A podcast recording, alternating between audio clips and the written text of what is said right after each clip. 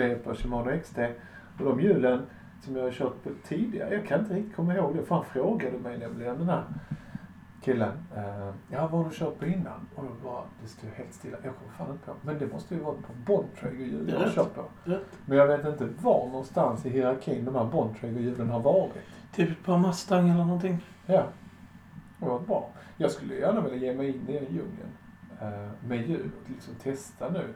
Eh, för nu har jag ju referenser på det jag cyklat på här, på min träckcykel. Och så har jag ett par Shimano XT-hjul nu. Så jag hoppas att jag känner en skillnad. Och jag hoppas Ja. nästan att jag blir lite besviken. Eh, så man kan börja sukta efter Nej, du Liksom, menar typ såhär. de två här hyllor upp istället.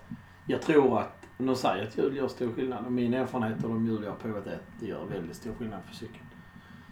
Ja. Men ehm, Nej, men sen så. ju lättare och finare hjul blir desto känsligare blir de. Så jag är jäkla rädd på mountainbike-hjul där alltså. Vi hade ju en liten, en liten schism i spåret då när vi cyklade Granskogen en gång när du snackade om, om, eh, om Shram kontra Shimano. Strang kontra Shimano. Ja, Ja, precis. det kan vara värt ett helt avsnitt tror jag. Och, ja, precis. Ja, men där, där var jag ganska stark. För jag märkte ju på våra lagkamrater att det var ju tyst liksom. Det var ju inte så att vi skrek åt varandra men eh, vi var ju inte helt överens. Det var rått men hjärtligt. Ja. ja, men Eh, men- jag, jag skulle ju, eh, och nu när jag har suttit och googlat en hel del och eh, kikat på just SRAM komponenter så skulle jag gärna vilja prova jag tar det som ett erkännande lite stund efter. Jag kan bara säga att de var tysta.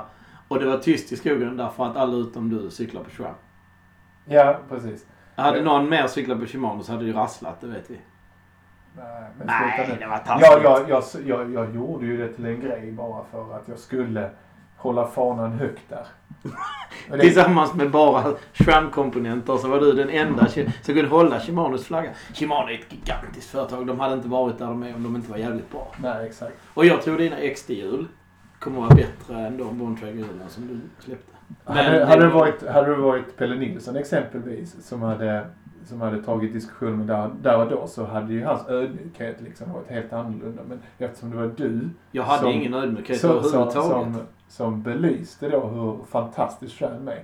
Och så vet jag lite som du, hur du är där att det du har det är alltid det bästa liksom. Men jag Och kör då, då, som då vill är jag utmana det och då Alltså jag, jag, kommer, jag, jag kommer gå till världens ände. Bara för att du inte ska få rätt. Fast jag känner redan lite.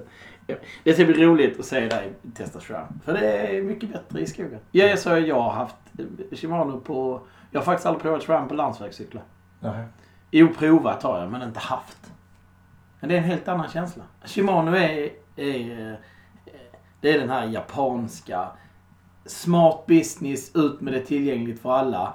Shram är extremt hög ingenjörskunskap. Från Utvecklat Tyskland. in Deutschland, ja. Och sen Eh, förvisso tillverkat i Taiwan, som alltid är tillverkat där. Men det är liksom tysk ingenjörska. Och när man växlar och grejer så bara... Det är liksom tyskt så här. Grovhugget, exakt.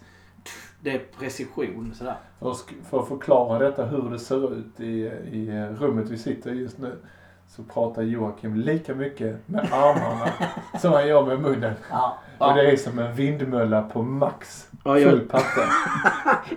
Vindmölla tror jag är väldigt konstigt. Jag tror vi, vi pausar den diskussionen där och så går vi vidare i livet känner jag. Men eh, det kommer mer om Shram och Shimano känner jag. Ja.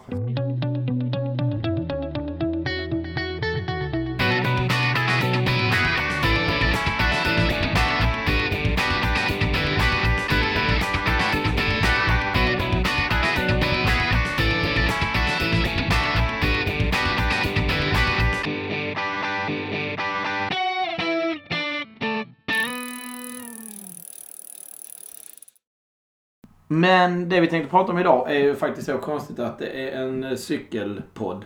För det är ju detta. Som handlar om eh, löpning idag. Precis, men för att bli bättre cyklist så måste man ju faktiskt kunna vara eh, som ett, som ett multiverktyg. Alltså man ska kunna vara bra i precis allting. Då får man, blir man bra på cykel också. Typ löpning.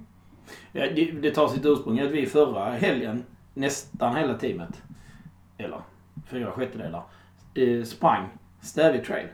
Som Ja. är ett traillopp här i Skåne, precis runt knuten. Och eh, det är så pass att en medlem är så fräs att han springer ett trail-up till idag. Det är lördag när vi spelar in det här.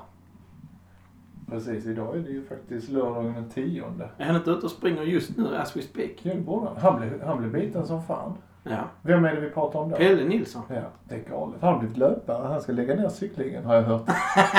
Det är spridbart. Det är spridbart.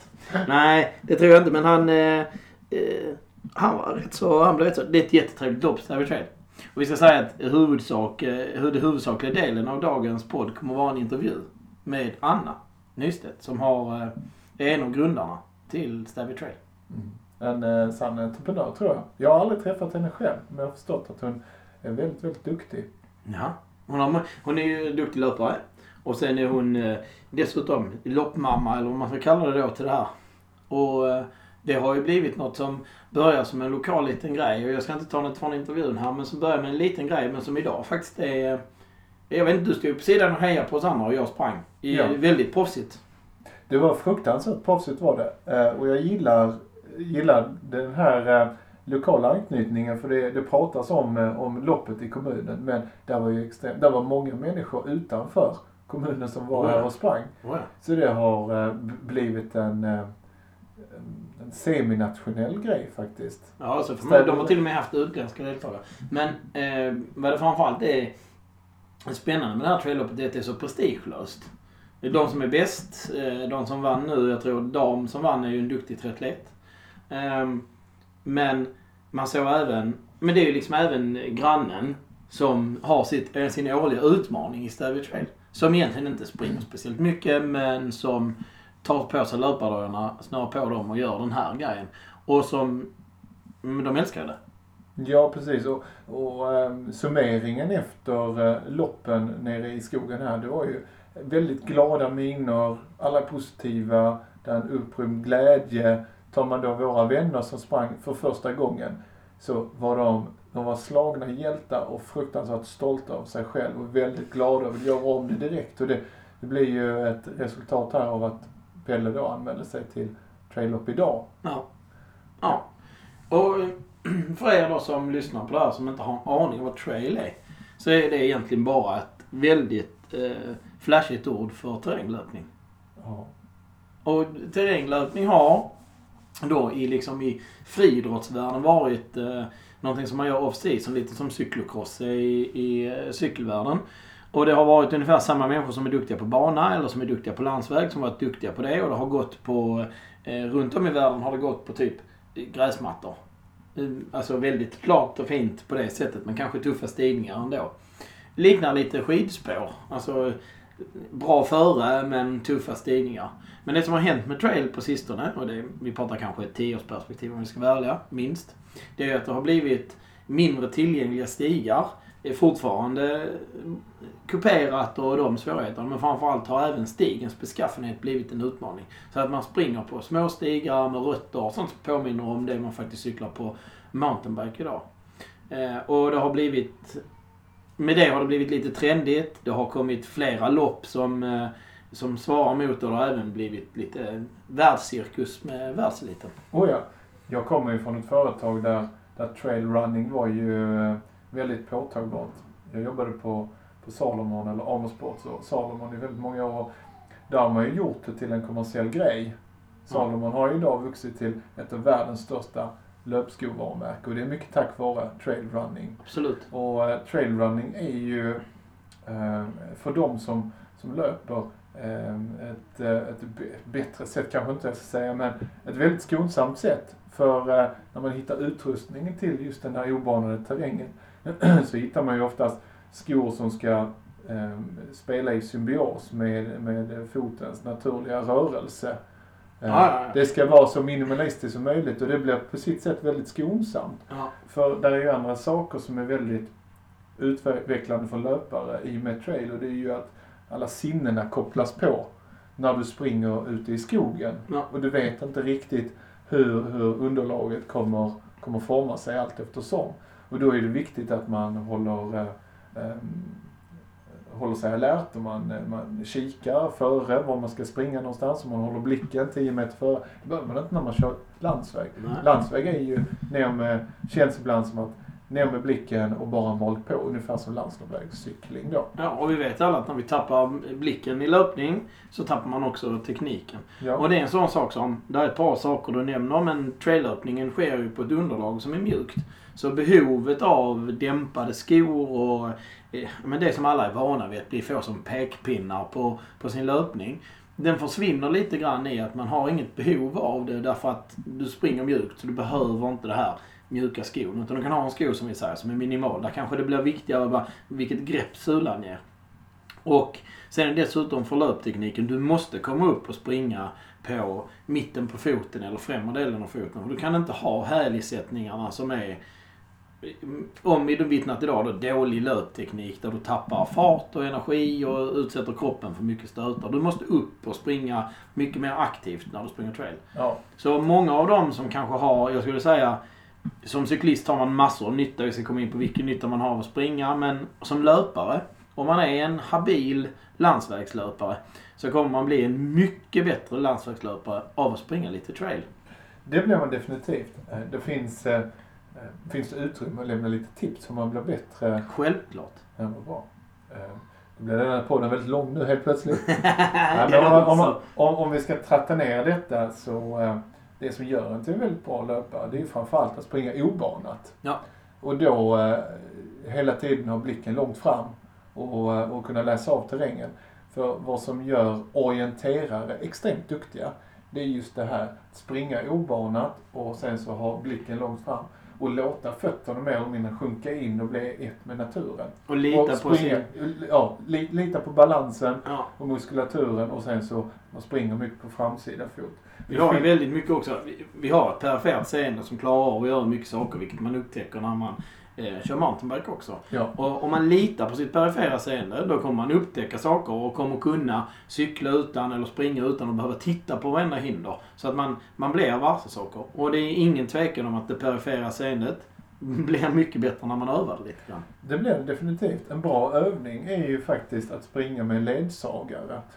Och då tar man inte den snårigaste eh, terrängen man kan hitta utan springa på en stig tillsammans med en ledsagare. Som om du, du och jag skulle springa och du springer med en ögonbindel.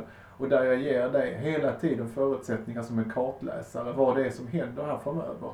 Och då lär man foten att höja sig lite så att steget blir något högre och att man känner av eh, terrängen på ett helt annat sätt. Och får man sen in den där eh, metodiken i sitt löpsteg då, då kommer man bli mycket mer energisparande. För det man gör det är att man tar absorberingen från stor lårmuskulatur fram till vadmuskulatur bak och helt plötsligt så ökar man takten på benen, man får ner pulsen och man kan ligga och mala med mycket högre takt under längre tid utan att bli trött. Man ser jättemånga, eller jag har sett många över tid. Jag lärde mig springa en gång i tiden och när jag lärde mig springa så var det nästan negativt att springa som jag gör. Det vill säga med någon form av framfotsisättning sådär. Jag, jag, jag har aldrig satt i hälen.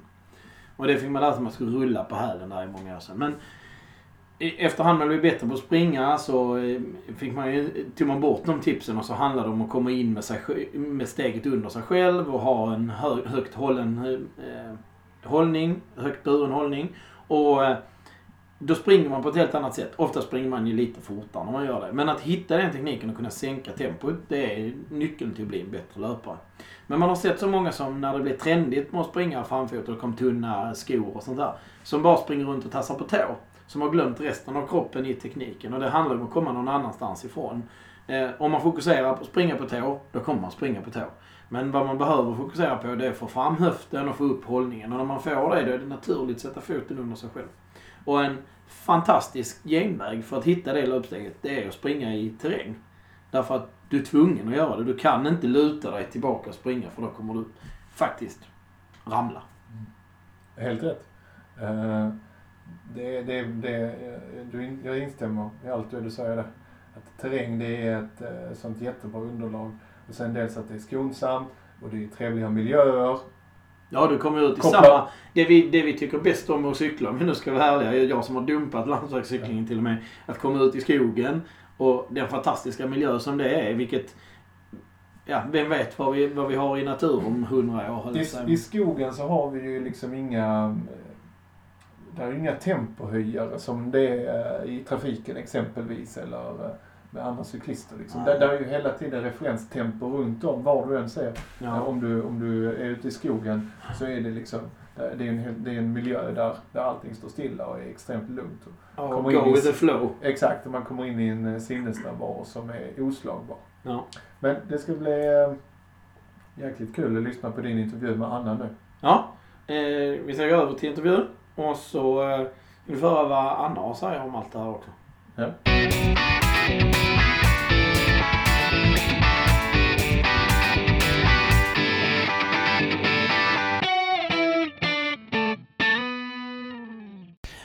Men jag sätter igång med att presentera dig då. Och då sitter jag mitt emot Anna Nystedt. Som är eh, Piggelina. Mm. Som är eh, cappuccino-freak. Jajamän. Löparfantast. Jajamän. Och en av grundarna av Stavy Trail. Ja, Ja. stämmer. Och vad kan du mer berätta om dig själv? Vad kan jag mer berätta om mig själv? Jag... Wow, du börjar med svåraste frågan. Ja, ja. Nej, men jag är väl 44 år och har familj och barn och tycker hemskt mycket om att träna. Och jag springer mycket. Det är det jag tycker är roligast. Um, jobbar även lite, ganska mycket med träning, både på gym men även som löpcoach. Uh, ehm, försöker hjälpa andra till att få ett effektivare löpsteg och sådär.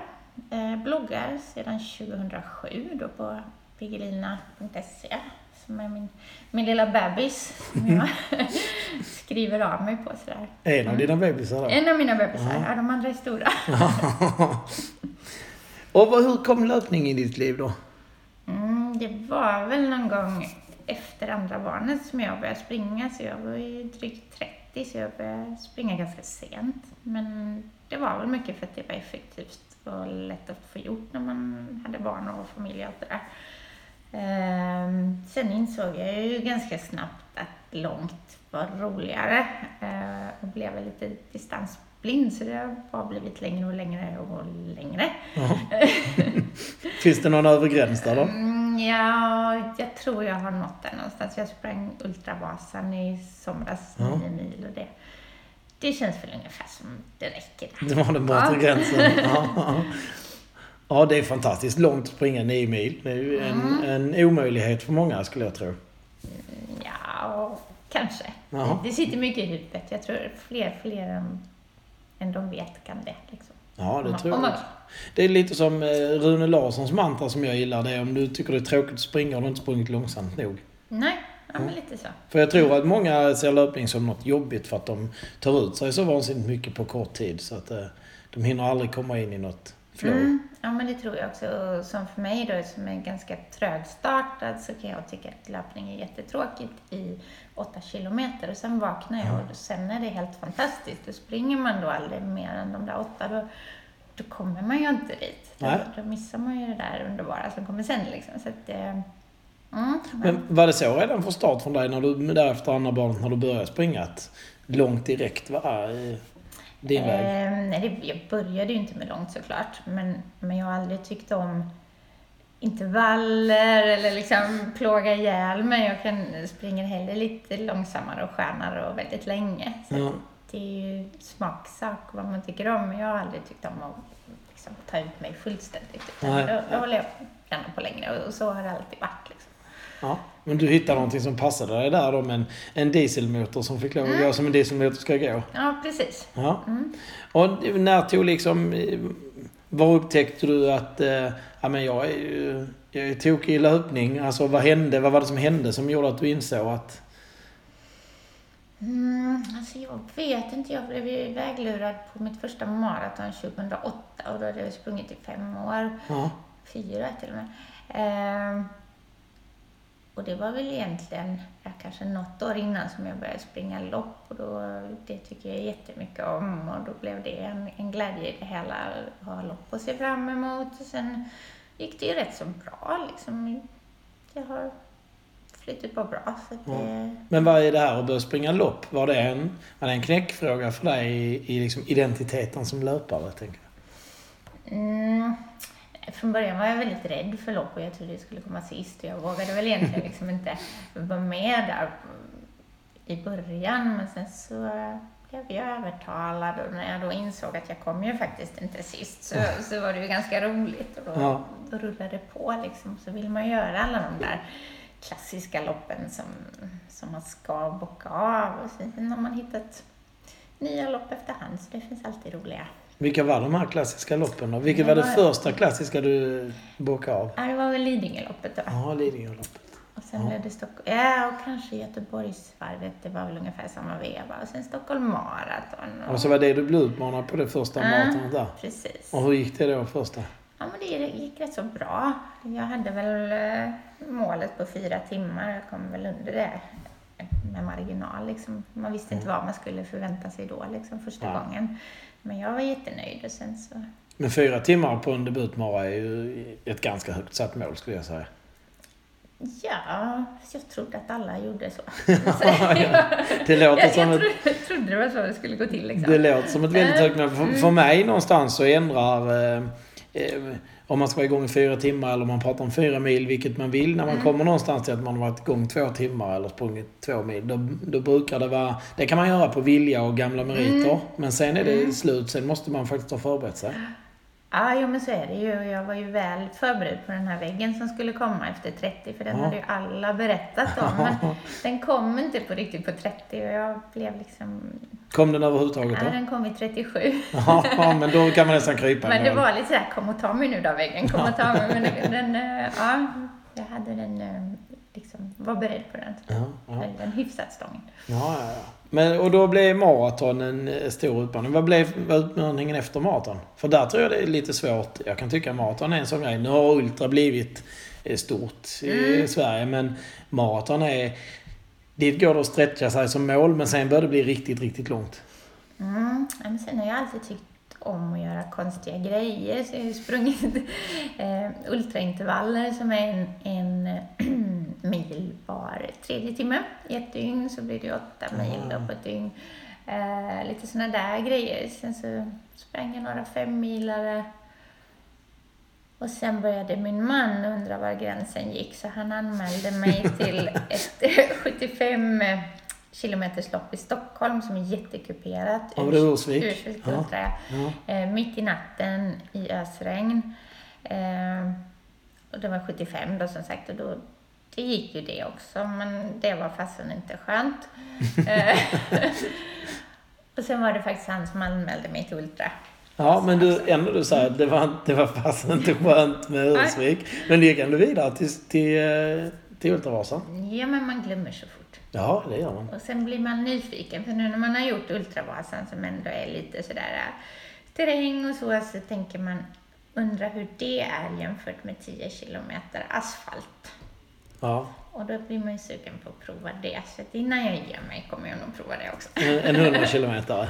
Alltså var jag 10? Ja, Ja, 10, ja. 10 mil. Alla förstod nog att det var 100. Men, och det är väl också en sån, den är väl, om jag sa i mitt eh, medvetande, så är det klassiskt. Och sen är 100 miles också klassiskt. Mm.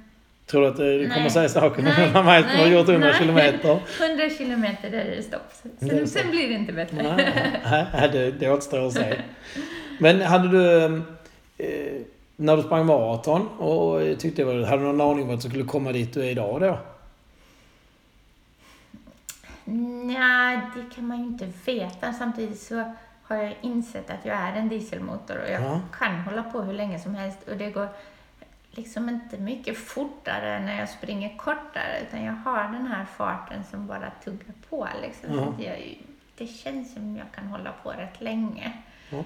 Och det börjar jag väl känna där efter maraton liksom att nej, men jag, det finns mer att plocka ut liksom. Ja. Mm. Ja, jag har faktiskt reflekterat över, jag har sett dig springa ett par gånger. Det ser ju verkligen ut som att du har det, det är lätt när du springer.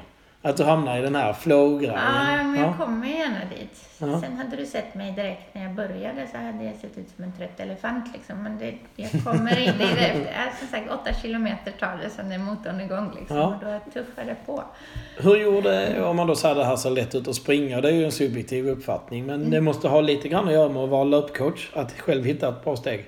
Ja, jag ändrade ju om mitt löpsteg när jag hade fått två löparknän efter två maraton.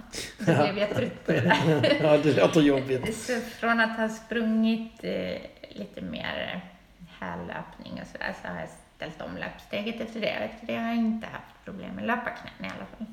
Ställde du om steget först eller blev du löpcoach först? Ställde om steget först. Ja. Så var omställningen av steget ett steg mot löpcoach också? Det blev ju sen eh, när jag upplevde att det funkade så bra för mig så kändes det som en, eftersom jag har jobbat med träning längre i, länge i andra former så kändes det som en naturlig fortsättning att lära det vidare liksom. Så att Mm. jag utbildade mig till det då. För länge sedan, kommer inte ihåg när. Ja, man tappar konceptet av det här. Det, ja. Hur mycket, hur mycket är du löpcoach? Mm, jag har dragit ner på det nu för att jag jobbar på ett vanligt jobb också. Men eh, nu kör jag mest mot företag och då är det ju lite så säsongs eh, styrt så det blir ju mer på vår och höst och inte så mycket så här års. Ja. Så nu är det rätt så lugnt. Men lite privatcoachningar fortfarande men, men mest företag. Ja, man ska att tycka ihop i livspusslet Mm. också. Mm. Ja, och så är du ju är du ju loppmamma då också. Jajamän. Ja. och det är väl, det är väl så eh, intervjun här till sitt ursprung att vi, eh, många från mitt cykelteam var med och sprang Stavy Trail. Mm. Hur eh, kom Stavy Trail till? Eh, ja, det var ju femte året vi körde nu, så vi startade 2014 och då var det faktiskt min man som drog igång det. Eh, för han skulle åka och cykla i Frankrike, Ja. eh, något lopp och då var det så att om man samlade in pengar till välgörenhet så kunde man få fördelar i det här loppet i form av service och allt möjligt. Så då ville han ordna någon välgörenhetsgrej för att dra in pengar och då väcktes tanken på det här loppet och eh, det var ju jättekul. Ja. Eh, trodde väl att det skulle komma närmast sörjande, komma och springa sådär. Men eh, det visade sig finnas jätteefterfrågan på ett lopp i Stävje av Ja. någon anledning. Ja. Så vi hade ju 400 deltagare första året. ja. Ehm, vilket var långt över förväntan. Och då var det ju väldigt basic med manuell tidtagning och svärfar stod i målet och, Och prickade klockade. av Ja. folk. Ja. Ehm, En papperslista helt enkelt. en papperslista, så Ja. det var väldigt, enkelt och så. Ehm, Men sen fick vi så himla bra feedback efteråt och folk ville verkligen komma tillbaka och jag är ju svag för smycker och så. Vem är inte det? Eh, Så jag tänkte, ja men det här måste vi göra igen och så blev det ju. Ja. Va, hur valde ni eh, just den bortglömda skogen? Eh, men grejen var att jag hade ju bott här i 12 år tror jag. Och vi bor ju mitt på en åker och det finns ju ingen skog alls och det är ju Nej. jättetråkig löpning. Eh, det, ju, ja, det finns ju ingen skog. Men sen efter 12 år så hittade jag den här skogen. Som av en händelse? Som av en händelse. Och den är jätteliten och det var liksom nästan ingen som kände till den. Nej. Det är fler än jag som har bott här i 12 år utan att veta om det. Eh, och då tänkte vi att vi ville visa världen den här lilla juvelen. Ja. Och det är därför vi har det som vår lilla slogan, eller vad man ska säga. ja skogen du inte visste ja, fanns va? precis. Ja. Och det har vi ju fått alltså, höra av jättemånga människor att de inte visste att den fanns fast Ja. de har bott här i kring. Ja. Så det är ju jätteroligt. ja, för jag bor ju ganska nära den här skogen. Mm. Eh, och flyttade dit eh, 2011 på sommaren. Mm. Och eh, då var jag hundägare så jag letade efter någonstans att rasta Ja. min hund. Och hittade den här. Jag tyckte också Ja, det var en juvel när jag hittade den. Så när det dök upp ett lopp där så var det verkligen, nej men någon annan än jag har också sett Ja. det. Eh, och, och förändringen som har skett nere i skogen, sett från mina ögon, är att helt plötsligt är det det, det har gått från att vara en bortglömd juvel till att Mm. vara lite av ett rekreationsområde. Jag får sådana här entreprenöriella drömmar när jag tänker på det, vad man skulle kunna göra det till. Ja, ja. Ja. men och då, hade du hittat den genom att du själv var där och, och sprang då eller? Ja, det var nog min man som hittade den från början eh, och drog med mig där. Ja. Och så blev jag ju helt kär i den från början. Ja. För den har ju verkligen allt. Den är så liten men den är, den är mysig på något vis. Ja. Är- Ja, det har gått om stigar i förhållande till hur liten den är också. Mm. För att det kunde ju bara varit en en stor dunge med träd. Mm. Men där är en massa stigar också Ja, som räddar det lite grann. ja. ja Mm. men den är grym. Ja, och hur börjar idén med loppet där? Det var till välgörenhet sa du för... Mm, första året körde vi helt till välgörenhet och sen så försökte vi hitta en bana som kunde bli så lång som möjligt Mhm. där inne och det var ju lite trixigt men det gick ju hyfsat. Ja. tycker jag. Ja. Ja. Ja, och sen, eh, sen marknadsförde vi det bara via Facebook och löpare, liksom grupper och så här. Vi har aldrig marknadsfört det på annat vis. Ja. Och ändå så, det spridde sig Ja. jättefort och jättelätt och vi bara satt och gapade och förstod ingenting. Aha.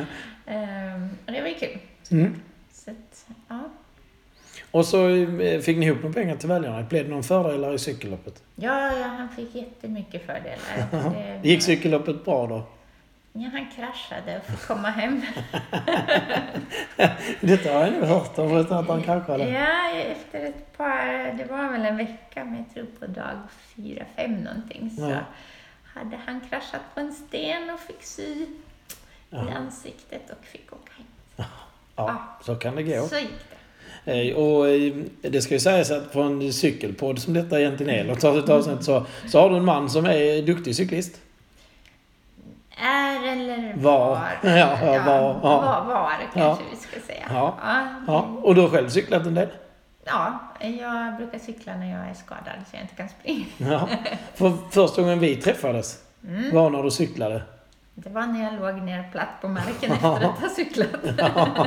jag visste ju vem du var genom, jag tror genom typ Piggelina och gemensamma bekanta så här. Men eh, min bild av det var var ute, jag och min sambo var ute med våra hundar. Och så, eh, det är en sån där fantastisk vårdag. När eh, vi är på väg att gå över eh, vägen från den här skogen vi pratar om dessutom. Och så cyklar du förbi. Precis vid övergångsstället. Och vi så här mossar liksom. Och jag ser att ja, men det är, solen skiner. Och du ler när du cyklar så. Jag känner bara, "Aj, jag måste också, ja, jag måste också ut och cykla idag. Och sen går vi vidare och sen hör jag en smäll som, eh, ja men om man har cyklat lite eller varit utsatt för olyckor överhuvudtaget. så vet man att det där var inte bra. Så jag får lämnat över min hund till eh, eh, min sambo så springer jag över då för att se det. Så ser jag att du har cyklat in i en bil som har typ stannat framför dig. Så mm, han ska svänga vänster där så vet du hur det gick till den Nej, biten? Alltså jag har ingen aning. Jag förstår det fortfarande inte liksom. Ja, för jag har i mitt, jag vill ändå påstå att jag, eh, med det yrket jag har haft tidigare så har jag ändå lärt mig att, att se saker som man normalt sett inte ser. Eh, Men den bilen har jag inte med i min bild av händelsen innan den är, står Nej, där. alltså jag ser den när den är fem centimeter framför mig och Ja. jag, jag förstår inte var den kommer ifrån liksom. Nej.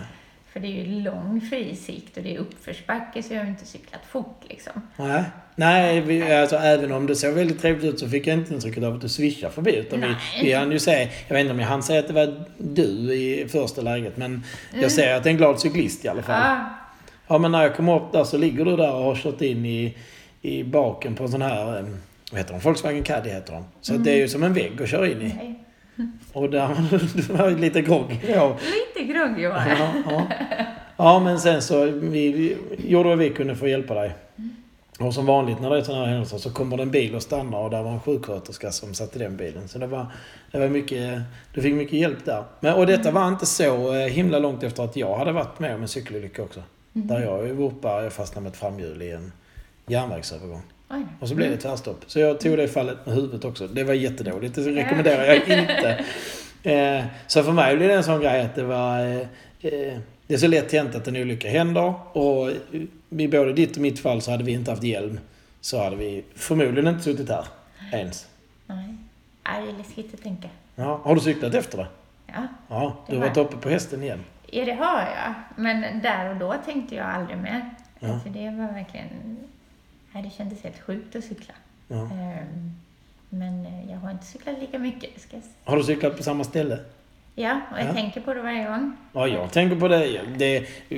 Det behöver inte betyda världens mycket, men jag tänker på det lite då och då. Alltså när man kör förbi stället ja. jag var här. Och nu när vi hade varit och sprungit Stavy Trail med teamet och gick hem då. Så gick vi förbi, så jag var ju tvungen att förklara att menar, Anna som anordnar loppet.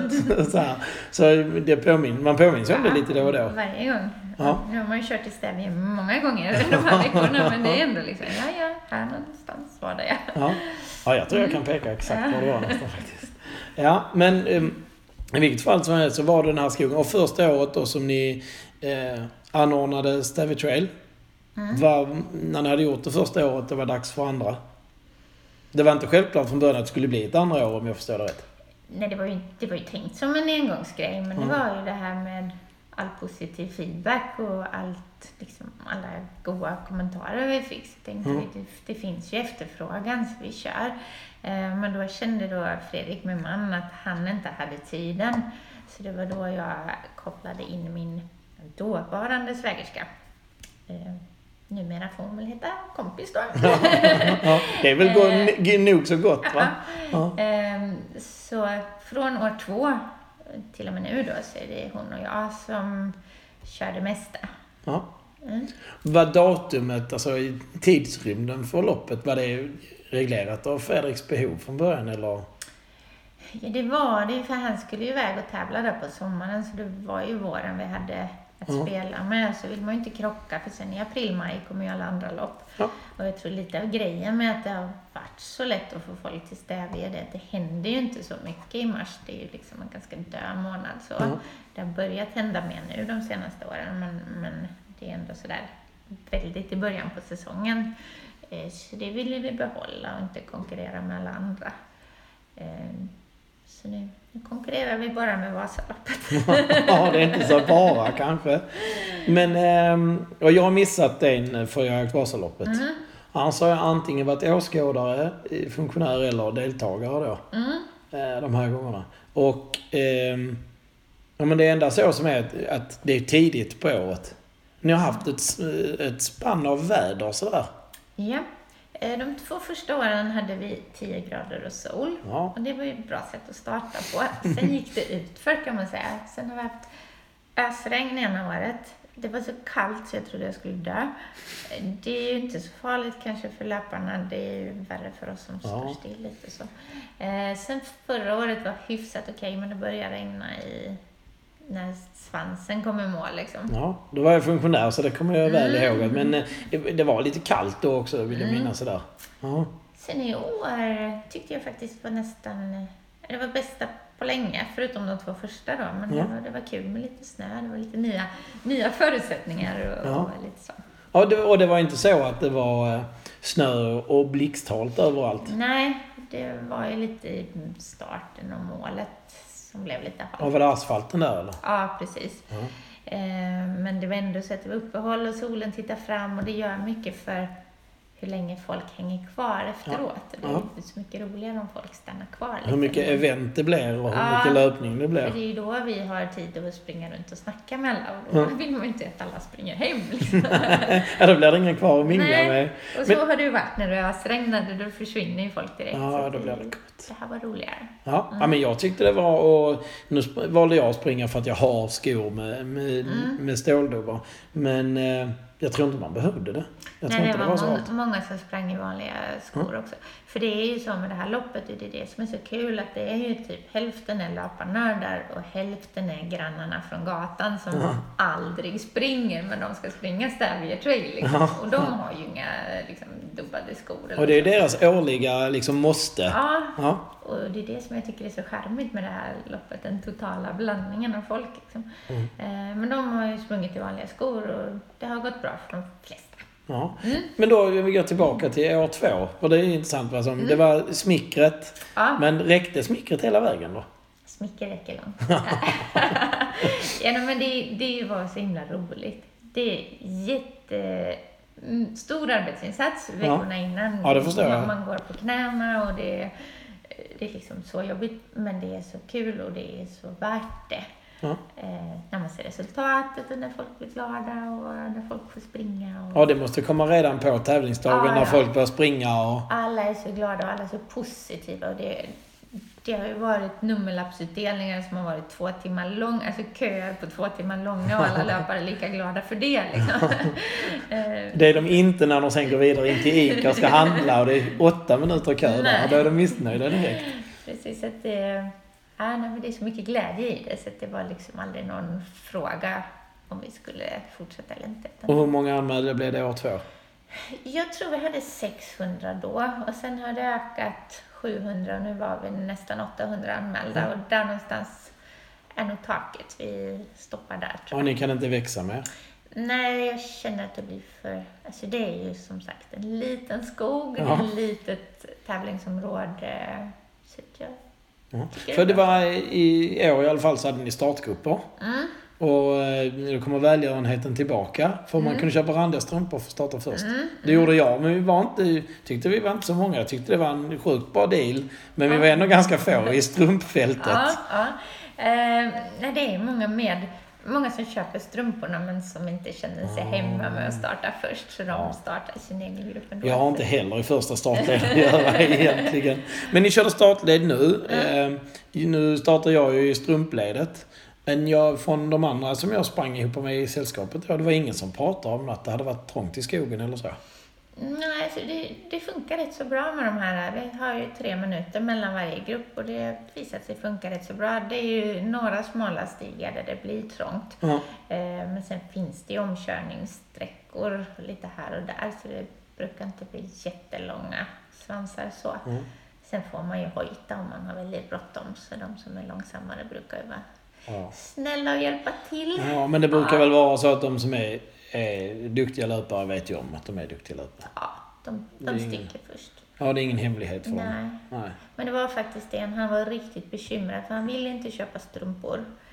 Men han såg ju dem som värsta liksom, korken som han skulle komma förbi. Han var riktigt bekymrad men han...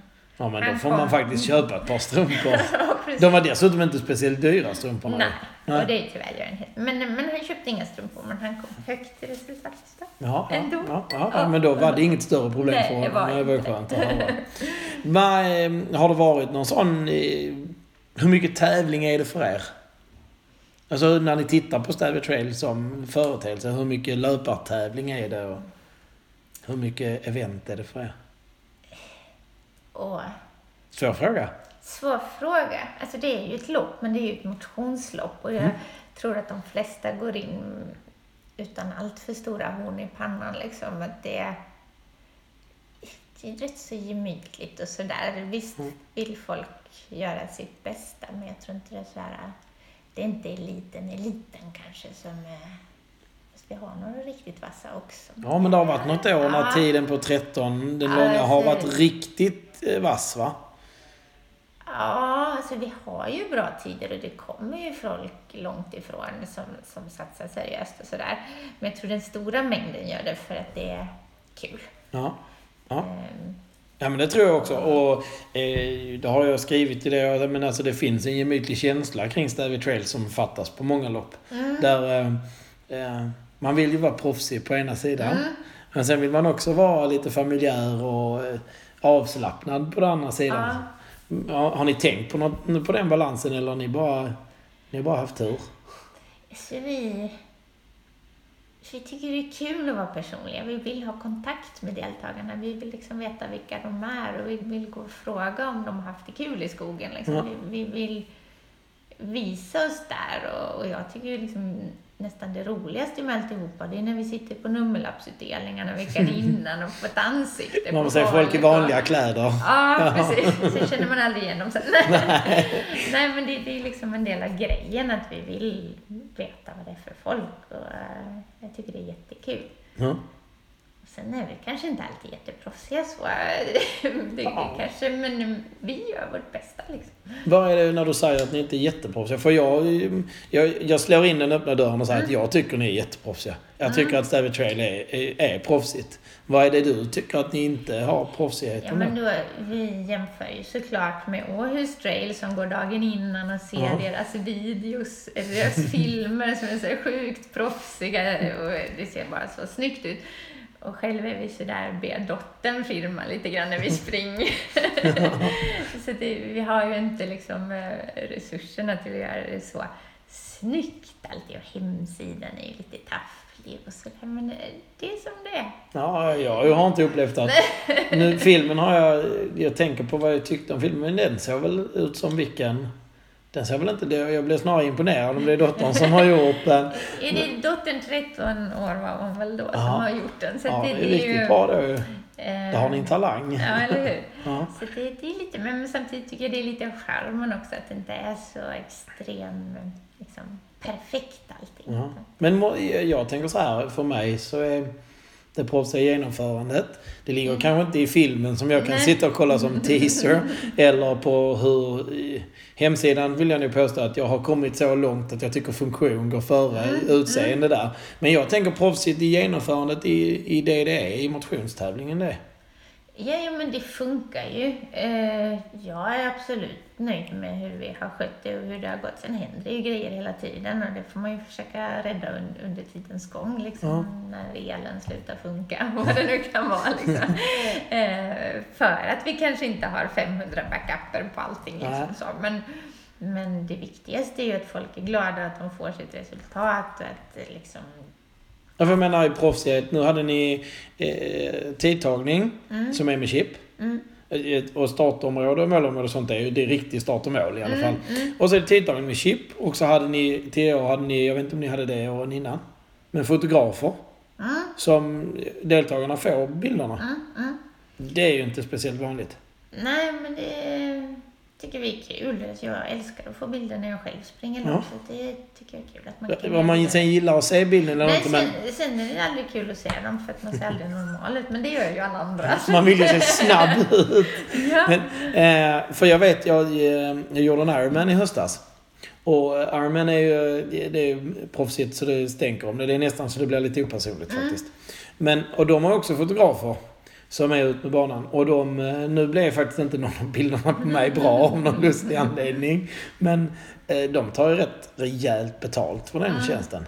Det brukar ju vara så på lopp att man får betala för det. Ja, Eh, Men det tycker jag är kul att man slipper.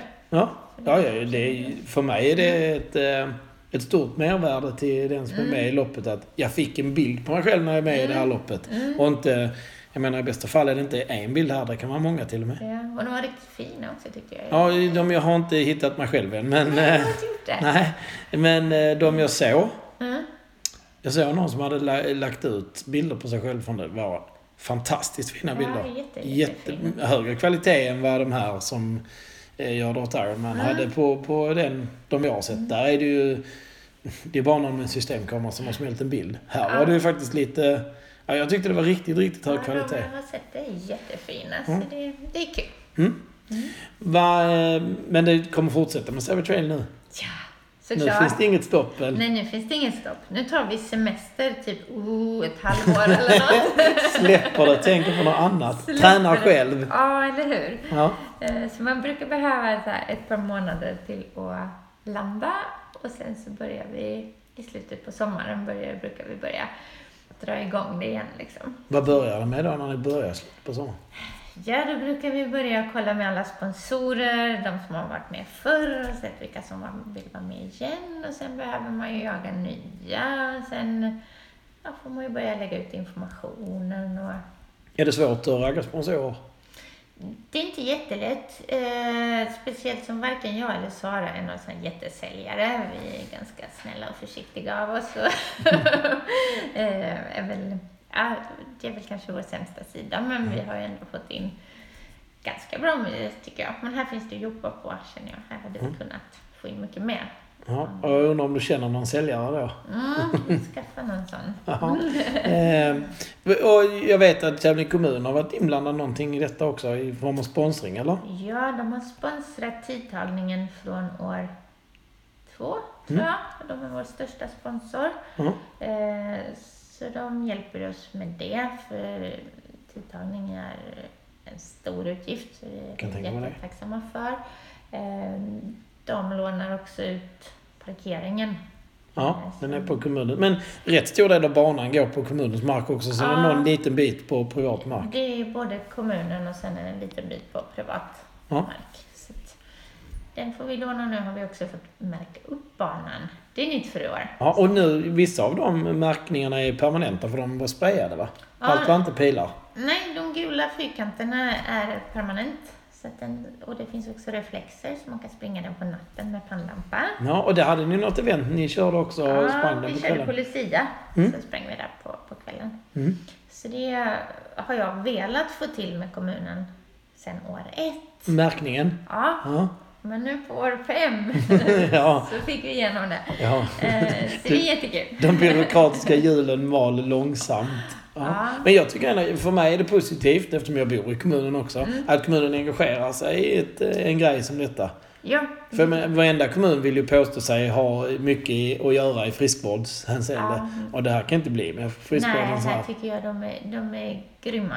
Jag är jätteglad för att de hjälper till. Och det, men jag tror de ser väl också att det här sätter Stävje och Kävlinge lite grann på kartan. Ja, det är klart inte en människa som hade vetat vad Stävje var Nej. annars. Nej. Så att, eh, för vi har ju jättemånga löpare från både Malmö, Helsingborg, Lund. Liksom, som, Ja. Ja men det har varit, när jag har reagerat något år, det var inte detta året, det var något tidigare, då reagerade jag på att det var någon rätt så långväga ut, typ utanför Skåne. Ja, ja. Och, och för mig, min lilla skog som ligger runt husknuten, att det kommer någon utanför Skåne och, och, eh, Ja. och vill springa i den skogen är Eh, Det ju... är jätteroligt. Ja, det är jättefräckt. Göteborg och Småland och England har vi haft något Aha, år. internationellt också. Ja. Det är... Men då kan, vi säga, då kan vi säga här och nu att alla som vill springa banan kan göra det när som helst för den är uppmärkt. Eh, Den finns ju säkert på typ eh, appar så här. Jag tänker Strava och sådana också. Det finns det nog. Det är många Ja. som har Ja, sprungit det är jag rätt det säker på. finns det absolut. Och jag tror det nog ligger på Stävje Trails hemsida också. Sen är grejen att det är många som har velat springa den, men utan markeringar så är det helt omöjligt att hitta den. Ja, Alltså, det- om man det inte går hittar i inte. skogen. Det går inte med en eh, sån GPS-fil heller. Alltså det, är, det är omöjligt för det är så stigarna ligger så tätt så du Ja. kan aldrig avgöra. Ja, jag skulle nog kunna springa den på en kar- med bara en karta. Men jag har ju cyklat på de här stigarna och sprungit Ja. på de här stigarna i högervarv. Så. Men det är ju, alltså skogen har ju fått liv sen vi drog igång det, för det är jättemånga som cyklar mountainbike där Ja, också. Och som cyklar, springer. man hör att de refererar till att de cyklar den slingan också. Ja, ja. Ja, vi har ju också, jag och Micke som också är med i laget som jag brukar ha den här podden ihop Mm. med. Vi har ju också försökt, och det var nog rätt så simultant med de första gångerna Stävje Trail gick sådär. Försökte vi också få ut någon cykelslinga som var så lång som möjligt utan att man korsar sin egen väg. Ja. Och jag tror vi kom också till 6,5 kilometer fast med lite annat spår. ja. Det går ju på många samma stigar Mm. men lite andra vägar. Och jag tror 6,5 kilometer var vad vi också lyckades få ut. Ja, det är nog Något någonstans där gränsen går. tror Något lite längre och då har vi fuskat någonstans med sådär så att det liksom går nästan, nästan överlappar varandra. Mm. Ja. Ja men det är, skogen är inte mycket större än 6,5 Nej, kilometer, det kan vi vara överens om. Men då, tipset är fortfarande att det går att springa den och Mm. mm. Stävje Trail kommer att fortsätta nästa år. Absolut. Jag var jätteimpad av en grej förresten när vi pratar Mm. om fem år, lite jubileum ju.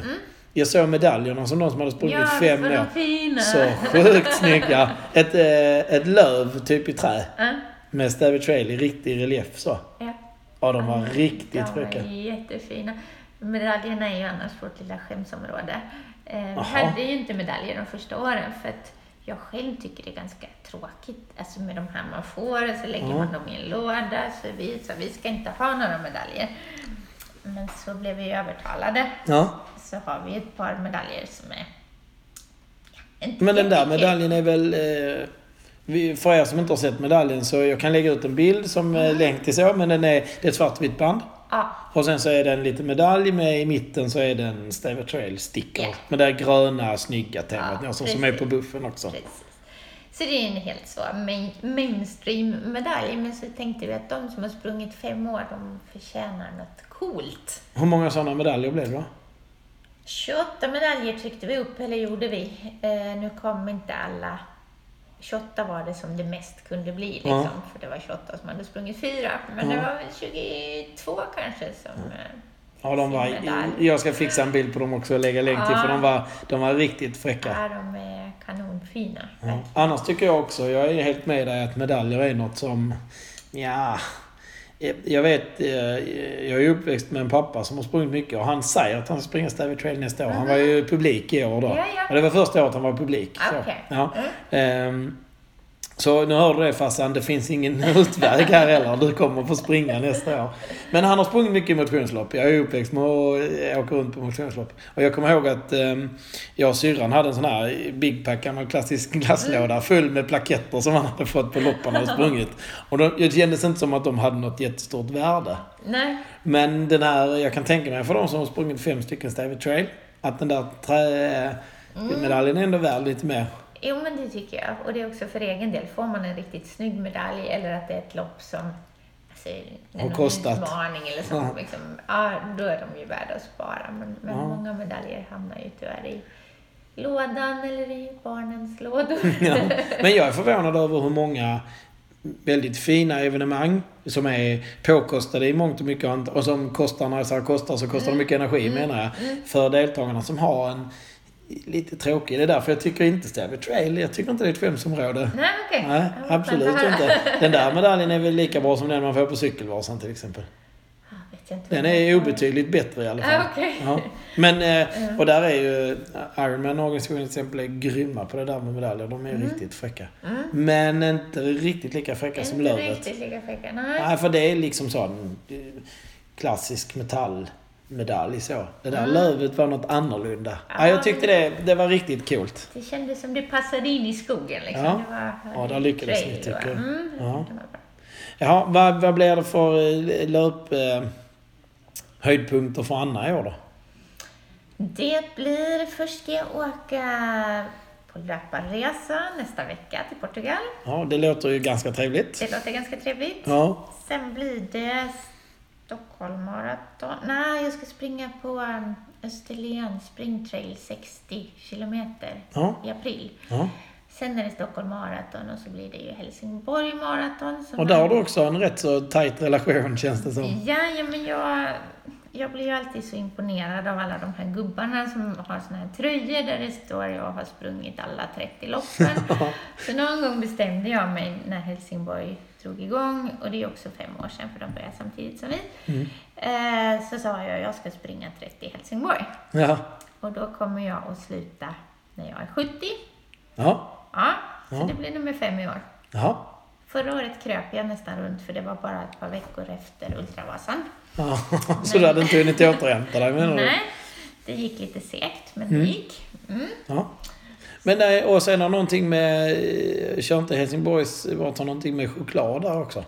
Jo, de har choklad från Chocolatte, som fin choklad Aha. i målgång. Och det är liksom, det är det man drömmer om den sista milen och det är lite det som får en att så, pinna på. Ja men alltså man behöver någon, eh, någon extra liten motivator när det är riktigt tufft. det är inte men de har så fin målgång för att man kommer ju i mål där så man kan sitta i en solstol och käka choklad eh, i sin guldfilt. Ja, Så det är liksom, och det är dugligt. det är dugligt. Ja, det är, då är livet rätt bra ändå. Den är svår att slå i mars i den målgången. Ja, då får du ha tur med vädret. Men vad ska jag säga, och då är det Helsingborg och sen är löparåret slut eller det kommer något mer Alltså det, därefter? det är ju aldrig slut ett löparår, eh, men loppen eh, börjar väl sina där. Ja, Ja, när ett löparår slutar väl med att man springer på nyårsafton? Ja, precis. Och sen börjar nästa. Ja, så börjar den, man springer på nyårsdagen. Det, så är det ju. Så Ja. det, det slutar inte så. Men loppen brukar ju vara lite färre under vintern. Så. Ja. Nu måste jag fråga då också, Cappuccino-fantasten. Ja, Var kommer detta ifrån? jag vet inte. Jag älskar skummad mjölk. Ja, det är också svårt att klandra. Alltså, det är ju det bästa som finns. Och jag insåg ju rätt så tidigt, för att när man sprang ett maraton så innan så tänkte man på allt man skulle äta efteråt. Men när jag kommer i mål så har jag aldrig någon aptit. Nej. Och då vill jag bara ha skummad mjölk. Så det brukar bli två latte på raken eller cappuccino så. eh, Det bästa Och det är lite så också det, dricka, jag kan tycka annars att dricka kaffe direkt på en sån här kan bli lite, det blir lite för mycket smak nästan. Men en cappuccino är Ja, lite men det är så lenare. i magen. Ja. Alltså det, ja, det är så bra. ja, ja, det är fullt försvarligt. Ja, alltså det är pinsamt att säga, men jag lägger upp många av mina löparrundor så att de slutar på en kaffebar. Det är väl inte pinsamt, det är väl bara... Man måste ha någon gimmick tycker jag. Ja, och vara cappuccino-drottning är väl en bra Ja, men gimmick. Den är, den är fin. Ja, ja. Är det något jag glömt fråga dig om, Anna? Mm. Mm, jag vet inte. Tror Ja. inte det. Nej, i sådana fall får du komma tillbaka. Ja, nej, Ja. jag tycker vi har avhandlat mycket. Ja. Ja. Och vi säger till alla som eh, givetvis med den här diskussionen blir sugna på Stävy Trail så måste ni tyvärr vänta nästan ett helt år. Ja, Eller 51 veckor. Vi har faktiskt fått kommentarerna. Kan ni inte ordna någonting till hösten? Vi kan inte vänta ett helt år. men, Ja. men vi får se, man vet aldrig. Vi Nej. har lite fulingar i, i planerna. Något Ja. mycket enklare och mycket så, men kanske blir det någonting. Ja, och så är det ju för den som... eh, Det blir kanske en repris på Lucia-löpningen. Ja, ja, det blir det. Ja, ja, men då behöver de bara vänta till den 13 december. Ja, man, och, precis. ja, ja, det är alltid bra. Och, och vädret är likadant då som nu. Ja, det, Ja. det känns som att det, nu är det väldigt mycket snö i Skåne, men eh, annars tycker jag vädret börjar bli likadant året runt snart. Ja. Och förra sommaren var en katastrof. Så, Nej, ja, så här typ. ja. Mm. Men eh, det var jätteroligt att höra mer om Savage Trail och så hoppas vi att vi får alla anledning att prata med dig igen. Ja. Kul!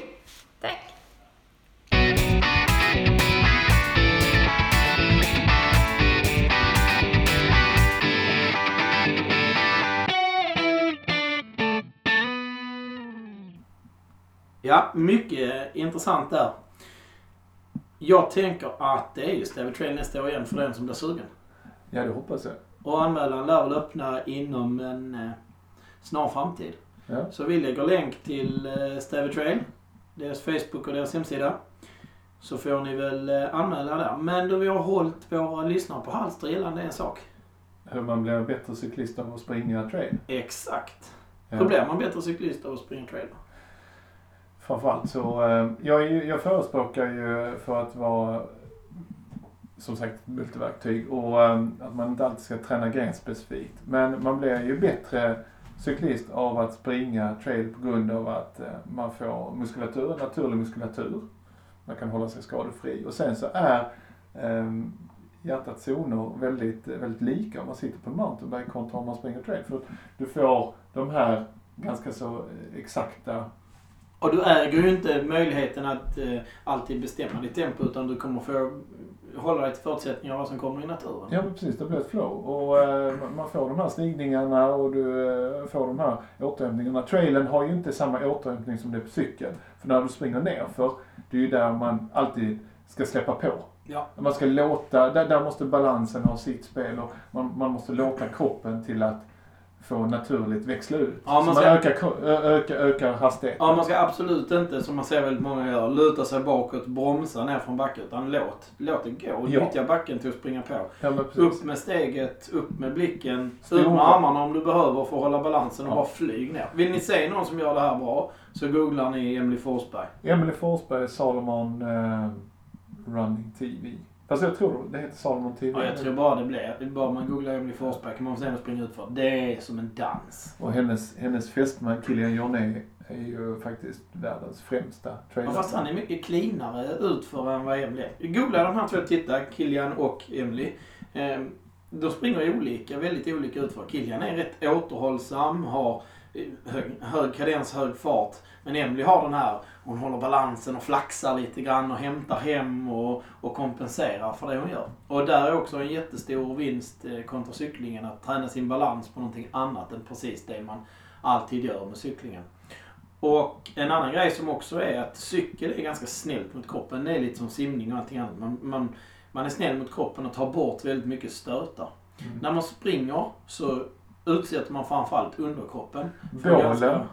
Ja, men framförallt underkroppen utsätter man för väldigt mycket stötar. Och det bildar i sig, kroppen bildar ett försvar mot det när man gör det. Så man blir, man håller bättre, man blir starkare i småmuskulatur och kring leder av att få lite stötar och uppleva det. Så cyklar du väldigt mycket och är väldigt snäll mot kroppen i din träning så kan det vara bra att vara lite tuffare mot med lite löpning ibland för att bygga de här små, små grejerna. Mm. Och sen precis som du var inne på där Micke, att löpning, den muskel som är nästan viktigast för att hålla god löpning, det är bålmuskulaturen. Ja, precis. Magmuskeln. Och den har vi ju jättemycket nytta av sen när vi cyklar mountainbike. Ja, jag tror att alla ni som lyssnar nu, kan göra ett, ett eh, experiment med gällande er sittställning på cykeln. För om ni är ute och cyklar, gör nu inte detta på den värsta av stigar utan kanske ni kan göra på en lätt uppförlutande asfaltsträcka skulle jag säga är optimalt att testa det på. Så sitter ni på er cykel och så släpper ni händerna från styret, båda två. Men håller händerna precis bara en halv centimeter ovanför styret. Och så håller ni uppe er med bålen. Där ska ni egentligen vara alltid. Att luta på händerna är egentligen fel. Du ska aldrig ha tryck på händerna i, i, på styret utan du ska egentligen hålla uppe dig själv med bålen. Och där tror jag att vi är många, mig inkluderad, som eh, fuskar. Det känner man ju när man har cyklat en, eh, en halvtimme eller en timme när man kommer in i, i sitt flow så att säga. Då blir positioneringen något, något finare, något enklare. Ja, man sätter sig bättre på cykeln. Man sitter mycket bättre på cykeln. Ja. Och eh, det är ju den positionen man helst vill ha från, från minut nummer ett. Ja. ja. Och det är ju en träning. Man måste träna sig till det helt Ja, enkelt. och det får man då gratis givetvis om man springer trail också för då kopplar man på magmuskulaturen eh, och blir mer rest i kroppen och för den tränad och triggad.